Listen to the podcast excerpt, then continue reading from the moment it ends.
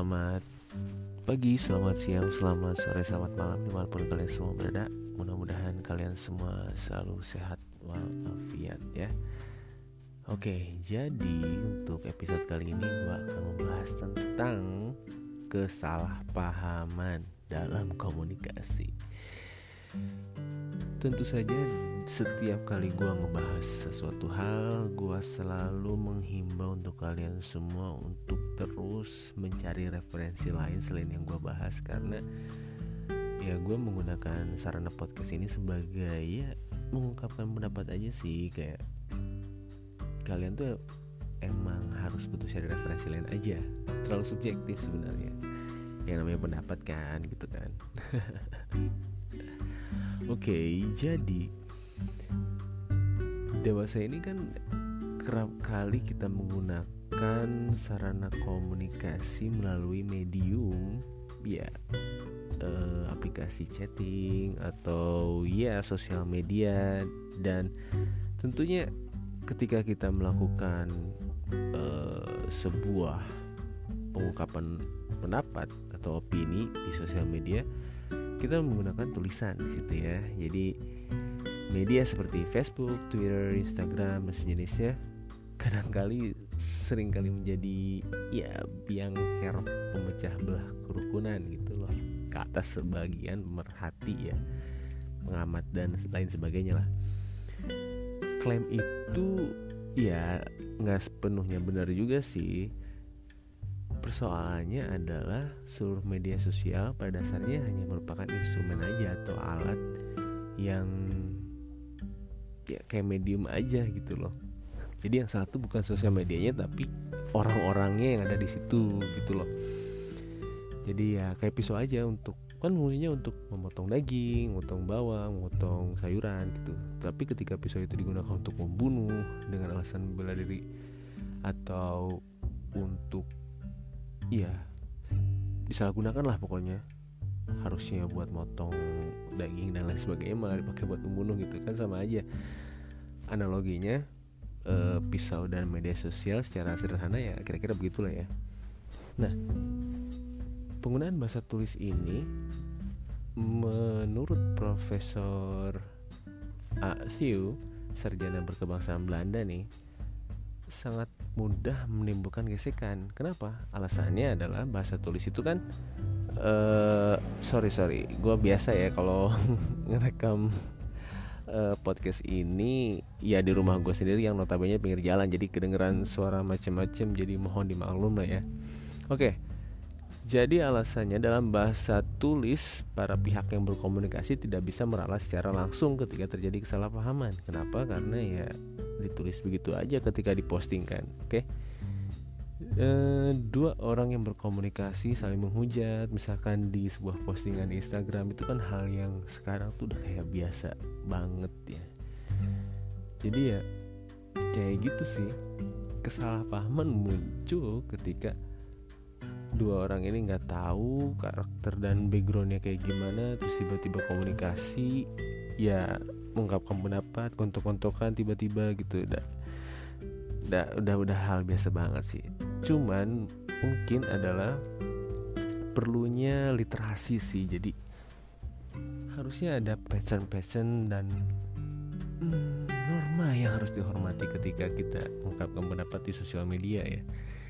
Ya gue lebih menyarankan adanya kurikulum pendidikan bahasa yang lebih condong ke sosial medianya sih. Mungkin bisa kalau di Indonesia tuh digunakan di pelajaran bahasa Indonesia atau bahasa Inggris dan bahasa asing lainnya ya.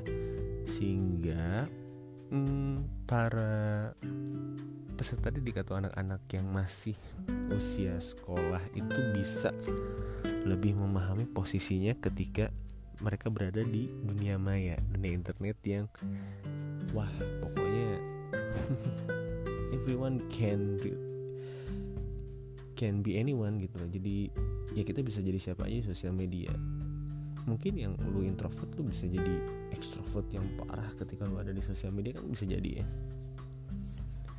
Dan merubah si pendiam menjadi si banyak omong juga bisa kan. Itulah sosial media gitu sarana untuk mengungkapkan apa aja. Termasuk di Twitter dan Facebook ketika kita buat status kegalauan rasa sedih rasa senang rasa bahagia segala macam. Atau di Twitter juga dengan nge-tweet hal seperti itu kan bisa jadi juga tuh.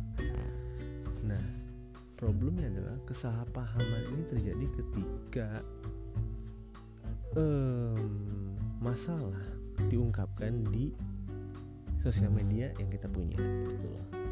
Jadi ada postingan yang yang harusnya dibahas di dunia nyata tapi ya di, dibuat di dunia maya gitu loh. Nah ini problematikanya sih. Jadi buat kalian yang punya teman pasangan rekan kerja kan risih juga mungkin ya. Jadi kalau menurut gue nih ketika lu punya masalah lu udah aja gitu bahas masalah lu baik-baik dengan orang yang bersangkutan. Jadi jangan sampai orang lain juga tahu. Jadi sehingga menimbulkan orang ketiga yang tadinya nggak tahu apa-apa tiba-tiba jadi so tahu dan akhirnya menimbulkan uh, mispersepsi dan misunderstanding atau kesalahpahaman itu sendiri. Jadi maksudnya gini katakanlah lu punya pacar atau punya pasangan dan punya sahabat ya. Lu punya masalah tapi ada orang lain yang setahu gitu tentang hubungan kalian ini dan tiba-tiba nimbrung dan mengambil alih e, penyelesaian masalah yang harusnya kalian selesaikan berdua. Itu kan sangat mengganggu sekali kalau menurut gue sih karena nggak bakal menghasilkan solusi dan menyelesaikan masalah tuh yang seperti itu tuh ya. Jadi bahkan bisa menimbulkan kecemburuan atau overthinking yang berlebihan juga sih. Udah over berlebihan lagi ya. Jadi ya lebih baik ketika lu punya masalah lu bahas duduk berdua. Jadi gini nih gini, gini. gue punya tips ya jadi gini gue udah nulis nih sorry sorry sorry. Jadi gini. Um, kesalahpahaman ini adalah sebuah kegagalan yang wajar dalam berkomunikasi. Namun ya hal ini dapat merugikan bagi hubungan lo sama pasangan lo dan sahabat lo atau keluarga lo dan rekan kerja lo juga nih. Oke jadi tipsnya adalah untuk mengatasi kesalahpahaman ini. Yang pertama pahami komunikasi one on one. Jadi tetap harus diselesaikan secara langsung. Duduk berdua duduk bersama nih didudukin tuh berdua ya sambil ngopi nyantai lah gitu.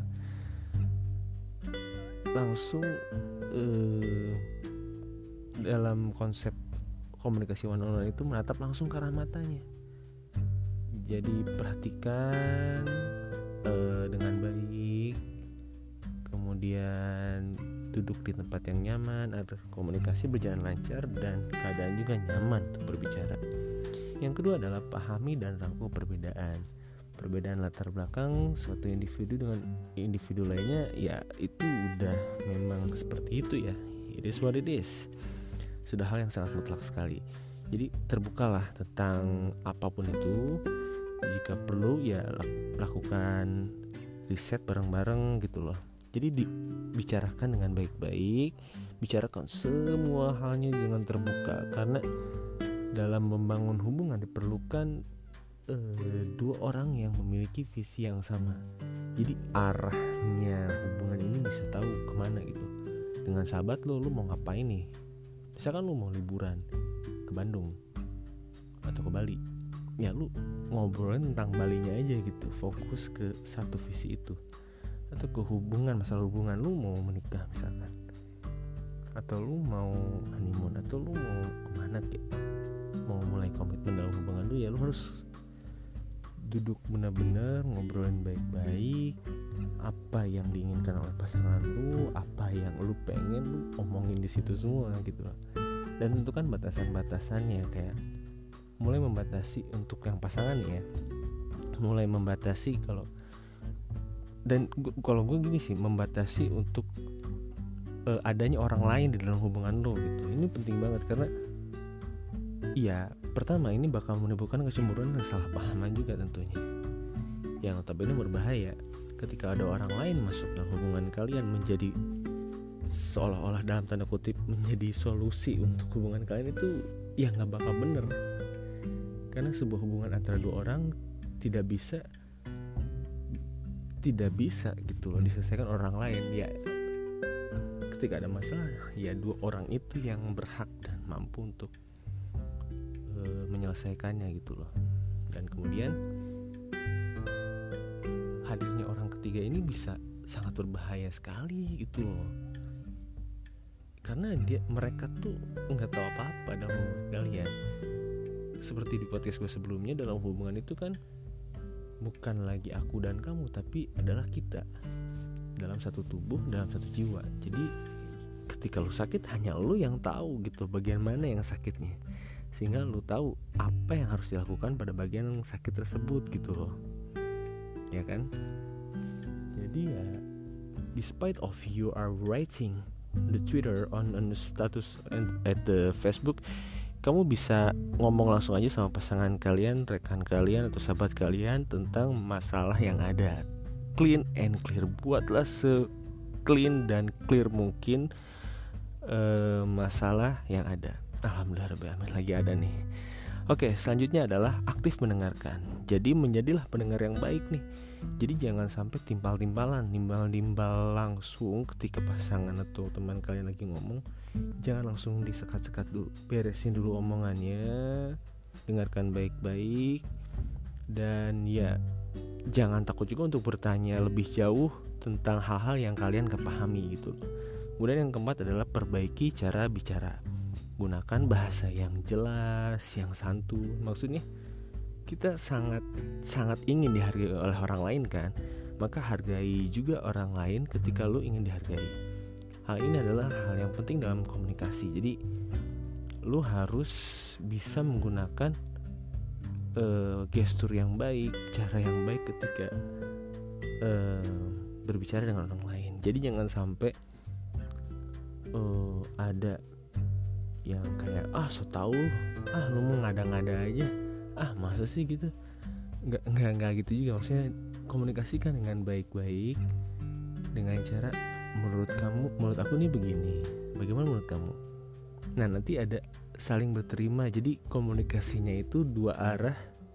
Komunikasi interpersonal ini bisa jalan ketika lu saling bisa memperbaiki cara bicara yang konstruktif juga yang ikut membangun adanya saling support dalam komunikasi dua arah kalian itu loh. Ngerti kan maksudnya? Kemudian hindari konfrontasi. Jadi jangan sampai uh, kesalahan yang sebenarnya uh, lo buat malah terkesan dibuat oleh orang lain gitu loh. Dan ini adalah tingkah laku manipulatif biasanya dalam hubungan ya hubungan asmara gitu loh. Dua pasangan ini kayak udah tahu salah tapi lu malah nyalahin pasangan lo dan ini nggak baik. Ketika lu salah lu akui kesalahan lu lu minta maaf dan jangan gengsi juga tuh untuk minta maaf. Ketika lu emang salah ya minta maaf aja. Karena dalam komunikasi itu ya mungkin ini berlaku untuk komunikasi politik ya. Ketika lu debat lu harus memperjuangkan argumentasi lu dan mengungkapkan semua referensi hasil pelajar hasil pembelajaran lu dari mana pun itu dari sebagai sumber lu bela baik-baik e, hal yang lu anggap benar.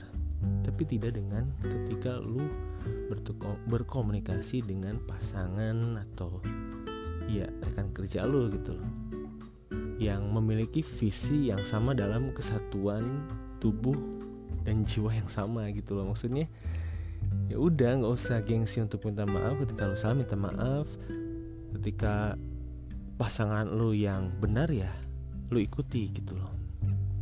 Dan tentunya dalam hubungan asmara ya konsep gue ini kan kayak ya udah